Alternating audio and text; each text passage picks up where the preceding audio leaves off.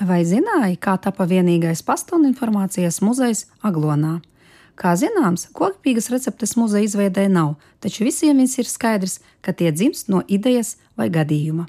Kādu dienu man nācās apmeklēt Latvijas pasta nodaļu Aglonā. Stāvot rindā, dzirdēju, ka drīz Aglonas pasta nodaļu nāksies slēgt, jo telpas, ko pasts īrēja no lielveikala, bija atbrīvo veikala paplašināšanas nolūkiem. Pienākot pie kases, ieminējos pasniedzēju, ka vīra īpašumā ir daudz brīvu telpu, jo biznesa ar lietotām mēbelēm no Vācijas iet uz norietu. Drīz vien Latvijas pasta delegācija atbrauca skatīties telpas un tika noslēgts telpu īres līgums. Vakarā pie vakariņu galda mans vīrs Artus Gražulis priecīgi ieminējās, ka pirmā stāva telpas turpina darboties un nestāvēs dīkstāvē, bet ko darīt ar otrā stāva telpām? Tas, ka Aglona ir viena no Latvijas iemīļotākām turisma vietām, nav noslēpums, tāpēc ļoti iederētos kāds apskates objekts, taču idejas nedzima un nedzima. Pie šī paša vakariņu galda sēžot, kafiju malkojot, es ieminējos, kamēr cilvēks domā, Dievs ņem un dara, un piespēlē ideju. Tā skaļi tika paziņots, ka jāveido pasta muzejs. Protams, pirmā reakcija bija skaļi smiekļi, jo ikvienam pirmās asociācijas dzirdot vārdu pasts ir ļoti šaurs - pastmarka, avīze, pastkaste un ko gan lai izkārto 120 km2 plašumos. Ienirstot pasta vēsturē, izrādījās, ka Latvijā nav pasta muzeja. Lai arī 2007. gadā Latvijā bija atklāts ļoti neliels pasta muzejs Cinavillā, kinopilsētiņā, tomēr darbība drīz vien apsīka.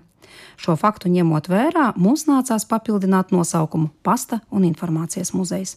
Pirmais solis muzeja izveidē bija tā dēvētā Latgalīta tirgus apmeklējums Rīgā. Nezinu kāpēc, bet kādu rītu ceļš mani uz turieni aizveda. Izrādījās ļoti veiksmīgi. Par 3 eiro tika iegādāta poļu izcelsmes autora Ottona Grosa un Kažimera Grževska grāmata Ceļojums pastmarku vēsturē.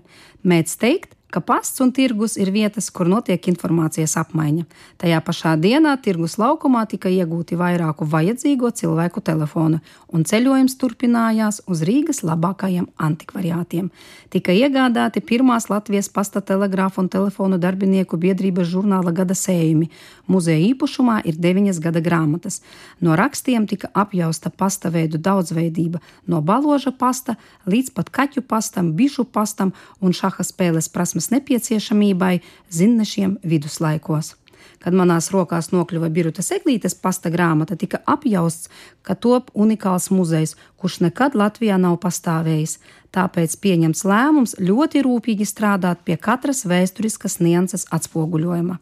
Kā vēsta Birutas Eglītes grāmatas saturs, Latvijā jau 1982. gadā ar plašu vērienu tika atzīmēta 350 gadi kopš izveidots Rīgas publiskais pasts. Citēju: Šajā laikā ļoti pieauga interese par pasta vēsturi. Presē atzima ideja par pasta muzeja izveidi Rīgas pasta kantora ēkā Kungu ielā 33, kas bija saglabājusies uz to laiku.